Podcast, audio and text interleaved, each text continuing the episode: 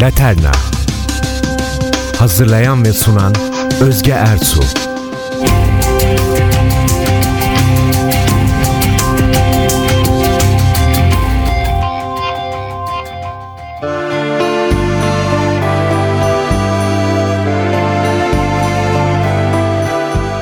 Değerli NTV Laterna dostlarımız, müzik ve tarih severler.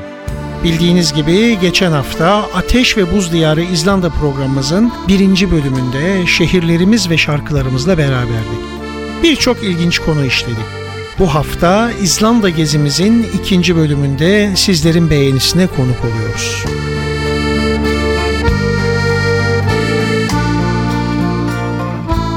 Değerli dinleyiciler, her ne kadar bankacılık sektörünü yüzlerine gözlerine bulaştırmış olsalar da 2-3 kilometre derinlerden gelen sıcak su her taraftan fışkırdığından dolayı tüm enerji buradan sağlanıyor. Doğalgazın D'si yok buralarda. Biraz kendilerine yetecek kadar yakıtı Norveç'ten alıyorlar o kadar.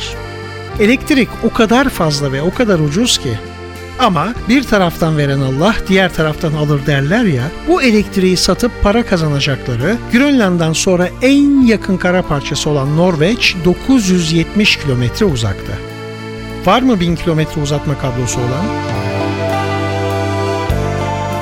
Elektrik o kadar ucuz ki inanılmaz derecede yüksek elektrik tüketimi isteyen alüminyum işleme yani boksit endüstrisi buranın adeta kurtarıcısı. Ta Singapur'dan getirtilen alüminyum İzlanda'da en ucuz şekilde işleniyor ve Hollanda'ya satılıyor. İşte alın size globalizasyon. Tüm ısınmada sıcak su ve geyserler tarafından üstlenilmiş durumda. İngilizce geyser kelimesi de aslında İzlandacadan geçmiş.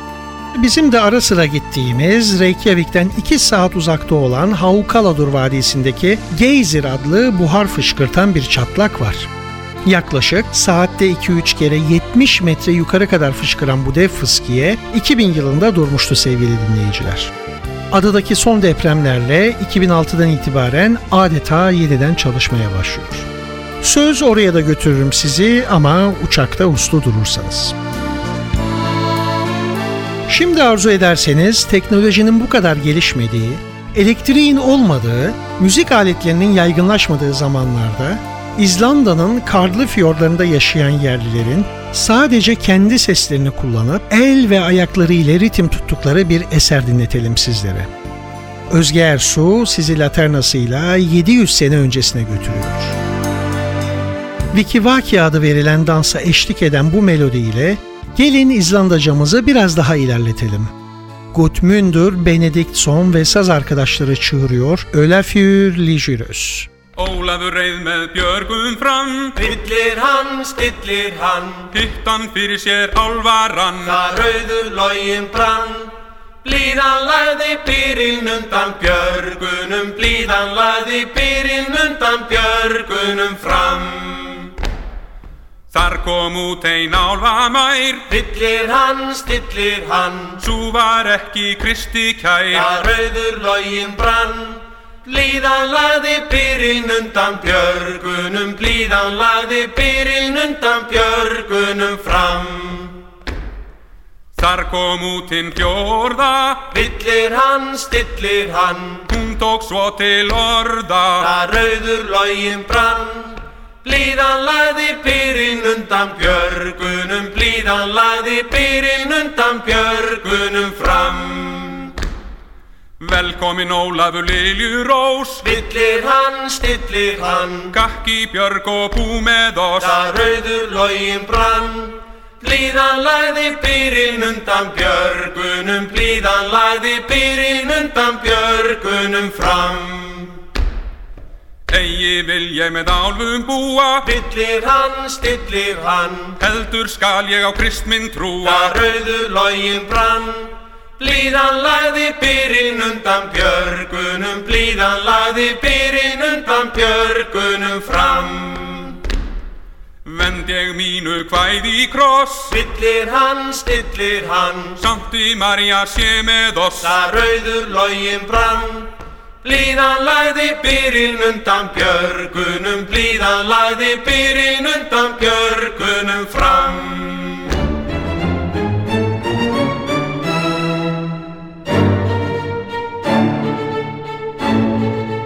Değerli dostlar, sizi doğru bildiğinizden şaşırtan, aklınızdaki 3 gramlık tarih bilgisinde alt üst eden bu güzel programımızda yine bir sürprize hazır olun. Ama sıkı durun. Ayaktaysanız bence bir yere oturun, araç kullanıyorsanız sağa çekin. Çünkü Özge Ersu ve Laterna yıllardır yanlış bildiklerinizi kökünden değiştirip sizi yine şaşırtacak. Bildiğiniz gibi hep Osmanlı'nın denizcilikle pek arasının olmadığını, Akdeniz'den dışarı çıkmadığını dinler dururuz. Okulda da bize böyle belletilmiştir. Gerçek bu mu sizce? Bizim bile nereden yolumuz düşer dediğiniz İzlanda'ya Osmanlı donanmasının gelip gelmekle kalmayıp tüm bu coğrafyanın tozunu attırdığını, tarihlerinde büyük bir travma yarattığını söylersem bilmem şaşırır mıydınız? Gelin 1627'ye dönelim. 17. padişahımız 4. Murat zamanına. Kuzey denizlerinde korsanlık yapmak çok ağır cezalandırılıp yasaklandığından işsiz kalan Danimarkalı ve İngiliz korsanlar ne yapsınlar? Cezayir'e sığınıp Müslüman oluyorlar. Kendilerini de ispatlamak için Kuzey denizlerini pek bilmeyen ama bir şekilde İngiltere ve İrlanda'ya kadar gitmiş olan Türk denizcilerine daha kuzeye çıkmayı teklif ediyorlar. Sonunda Madeira ve İspanya Fatihi Amiral Murat Reis, Kaptan Arif Reis ve Bayram Reis komutasında Mayıs ayında bir sefer başlıyor bu enlemlere 12 kadırga ile. 20 Haziran günü Kuzey Kutup Dairesi'ne 4 gemi erişiyor ve Berufjord'dan karaya çıkan Leventler kısa süren bir çatışma sonrası 26 gün sürecek olan egemenliklerini ilan ediyorlar. Üstelik İzlanda'da sadece Reykjavik'te durmuyorlar. Westmannaeyjar Adası, Grindavik, Reykjanes, Keflavik, Hafnar fiyortlarının tüm giriş ve çıkışlarını bulup buralara da bir selam götürüyorlar. Bu süre boyunca da yaklaşık 240 ile 400 arası esir alıyorlar. İşte değerli dostlar, şimdi burada gerçek ile efsaneler birbirine karışmaya başlıyor. Çünkü esirlerin rakamını bine kadar çıkartanlar var. Hatta ben onların yalancısıyım. Bu bin esirin çoğunun kızıl ve sarışın İzlandalı kadınlar olup dönüşte İstanbul'da hareme sunulduğu, seçilenlerin kaldığı, diğerlerinin ise Midilli adasındaki üsse diğer Leventlerin yanına yollandığı söyleniyor. Elbette ganimetler de var esirlerin yanı sıra. Çünkü asıl amaç güzel hanımefendilerden önce para kazanmak yani fidye almak. Yalnız esirlere çok iyi davranıldığını, yiyeceklerin bile paylaşıldığını o gemide olup yıllar sonra İzlanda'ya dönen rahip Olaf Egilson anlatacaktır bize ileride. 16 Temmuz'da yelken açıyorlar tekrar ve 5000 kilometreden fazla olan bu rotayı 27 günde tamamlayıp Cezayir'e geri dönüyorlar.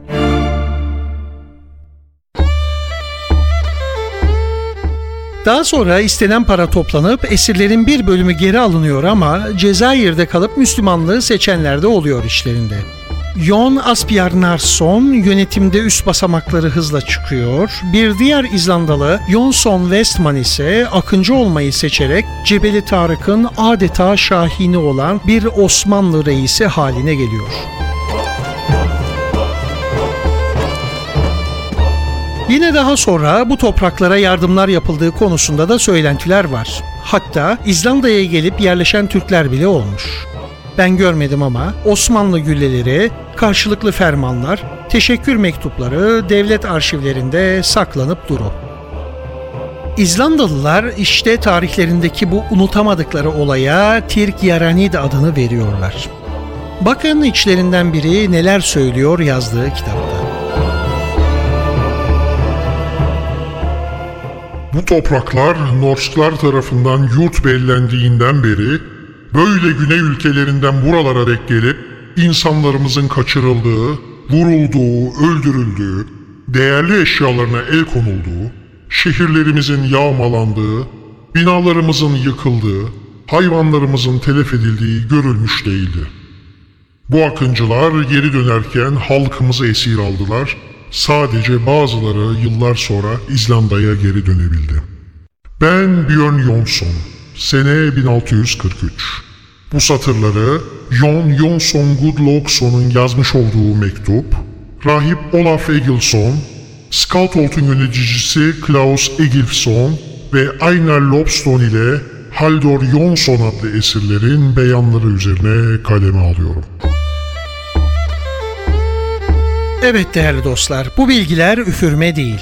Eğer Osmanlı donanmasının bırakın İzlanda kıyılarını Newfoundland ve Amerika Virginia'ya kadar olan açılımlarını merak ediyorsanız, Türkiye Sualtı Arkeolojisi Vakfı tarafından yayınlanan İzlanda ve Danimarka kütüphanelerindeki araştırmalar, zor ve uzun çeviriler sonucunda Oğuz Aydemir tarafından kaleme alınan Türk Akıncıları Efsanesi The Turkish Raid Saga kitabını okumanızı şiddetle öneriyorum. Hatta İzlandalı yazar Jon Helgason'un 1983 yılında yayınlanan Tirk Yaranid adlı eseri de sizi oldukça aydınlatabilir bu konuda. Gördünüz mü? İstanbul nire, Cezayir nire, İzlanda nire sevgili NTV dinleyicileri. Laternamızda işte bu kızıl ve sarı saçlı, mavi gözlü güzellerin düştüğü umutsuzluğu anlatan hüzünlü bir şarkı var şimdi sırada. Nobel ödüllü İzlandalı yazar Haldor Laxness'in ilk kez geçtiğimiz yıllarda Reykjavik'teki Ulusal Tiyatro'da sergilenen oyununda kullanılan bir şiir üzerine yapılmış beste.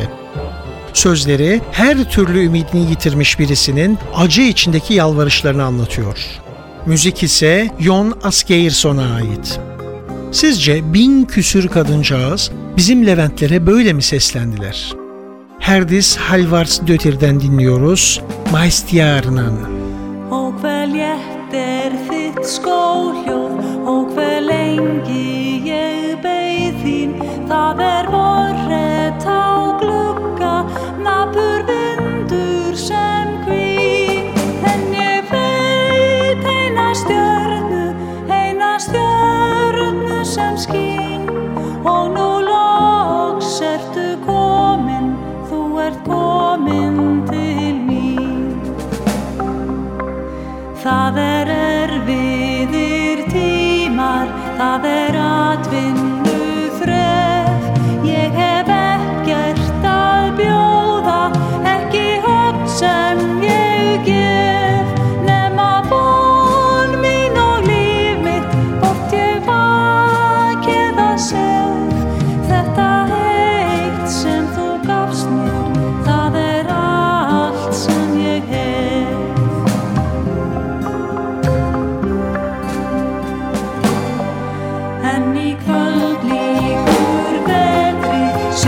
been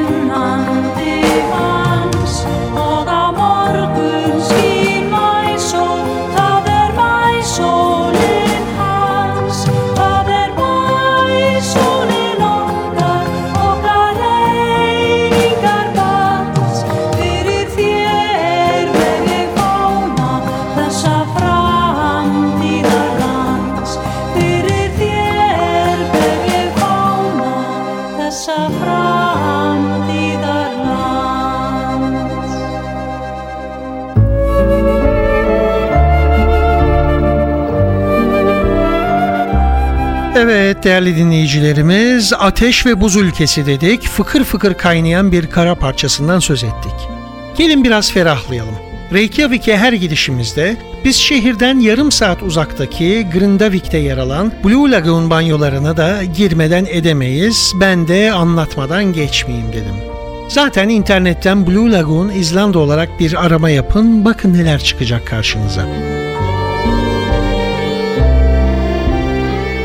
1976 yılında aslında jeotermal enerjiden elektrik üretmek için yapılan santral 2000 küsür metre derinlikten sıcak su çekiyor. Bu su önce tribünleri çeviriyor ve elektrik elde ediliyor. Bir dizi ısı değiştiricisinden geçerek çevresindeki yerleşim merkezlerinin ısınma gereksinimini karşılıyor. Daha sonra da yakınlarındaki lav yataklarından oluşmuş doğal havuzlara salınıyor.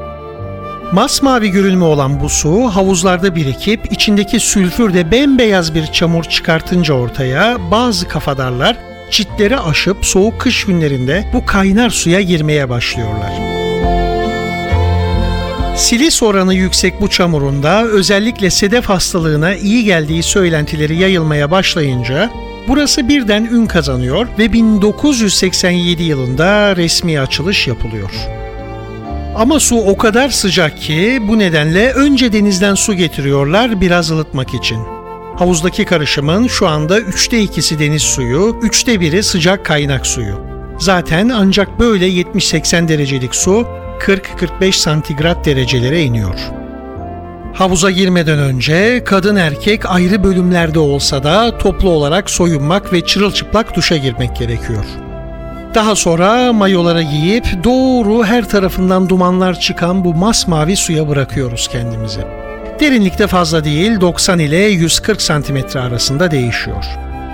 Dışarıdaki 10-12 derecelik soğuğa hatta bazen yağmura rağmen bu kuzey kutup dairesinin altında o yorgun bedenlerimizi dinlendirmek o kadar rahatlatıcı ki eğer siz de bir gün bizimle Reykjavik'e gelirseniz mayolarınızı almayı unutmayın sakın. Aman ne güzelmiş bu yeraltı suları. İyi ki bu volkanik hareketler var. Baksana adamlar turistik havuz bile yapmış. Evlerine bedava ısınmış su geliyor. Elektrik sudan ucuz. Oh gel keyfim gel diyorsanız durun. Her şey göründüğü gibi değil. İzlanda bu volkanik oluşum yüzünden az acı çekmiyor değerli dostlar. Depremler, patlamalar, yıkımlar, Bakın yine biraz önce haber merkezimize bir son dakika şok haberi ulaştı. İzlanda tarihindeki en büyük patlamalarla sarsılmaya başlamış.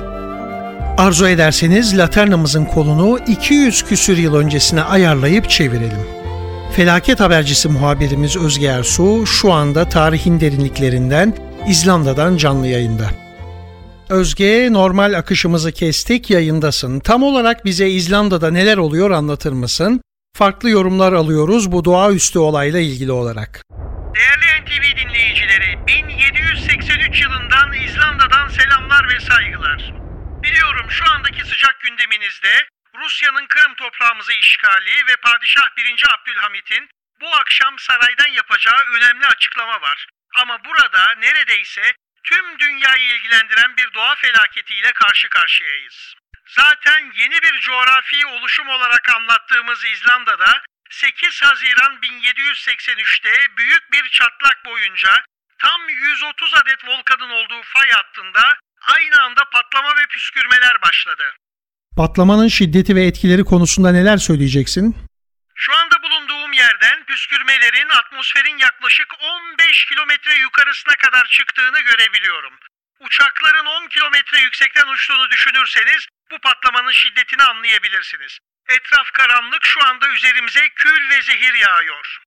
Dün yayınlanan Ulusa Sesleniş programında 14 kilometre küp bazaltın yeryüzüne çıktığı, toplamda da 8 milyon ton hidrojen florit ve 120 milyon ton sülfür dioksitin atmosfere karıştığı açıklandı. Bu rakamlar dünya üzerinde şimdiye kadar görülen en büyük lav Sevgili Özge bu rakamlar kimyayı 4,5'tan 5 ile zar zor kurtarmış halkımıza ve dinleyicilerimize pek bir şey ifade etmiyor. Başka neyle kıyaslayabiliriz bunları? Şöyle örnek vereyim 120 milyon ton yaklaşık 120 megaton demek. Yani tüm Avrupa'nın gününüzdeki toplam endüstriyel atık salınımının tam 3 katı. İzlandalılar bu felakete Müdühartindin adını verdiler. Kuzey yarımküre bence son 500 yılın en büyük doğal felaketiyle karşı karşıya. İzlanda'dan son hasar tespit raporunu alabilir miyiz senden? Valla daha resmi rakamlar açıklanmadı ama durum ümitsiz. Nüfusun %25'i patlamaların sona ermesinden sonra kıtlık ve kuraklığa bağlı açlıktan ve florin zehirlenmesinden öldü. Küçükbaş hayvanların %80'i, büyükbaş hayvanların da %50'si telef oldu. Avrupa ve dünyanın diğer bölgelerinde durum nasıl? Özge 1783 yılı bildiğiniz gibi zaten sıcak dalgalarının İzlanda'yı da vurduğu yıldı.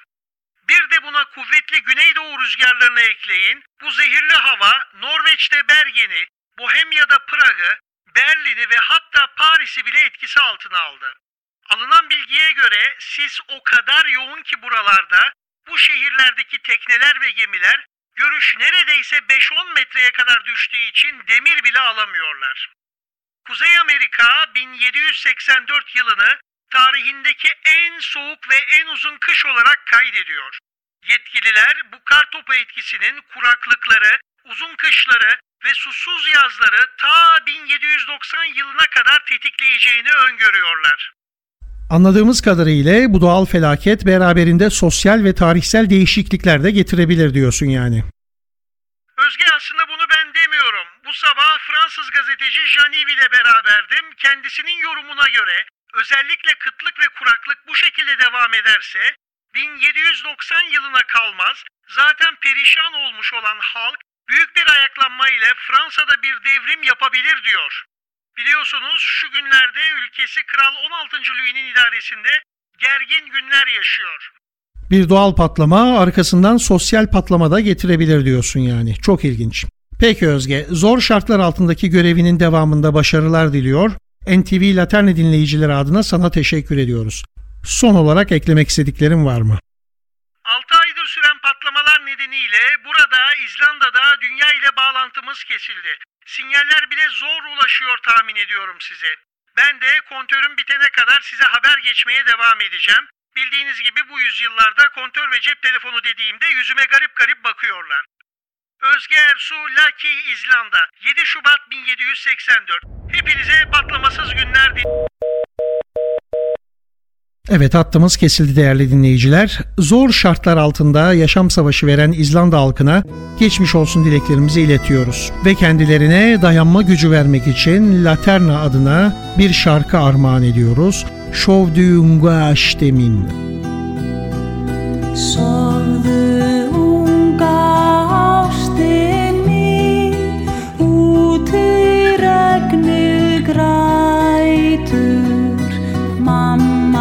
again.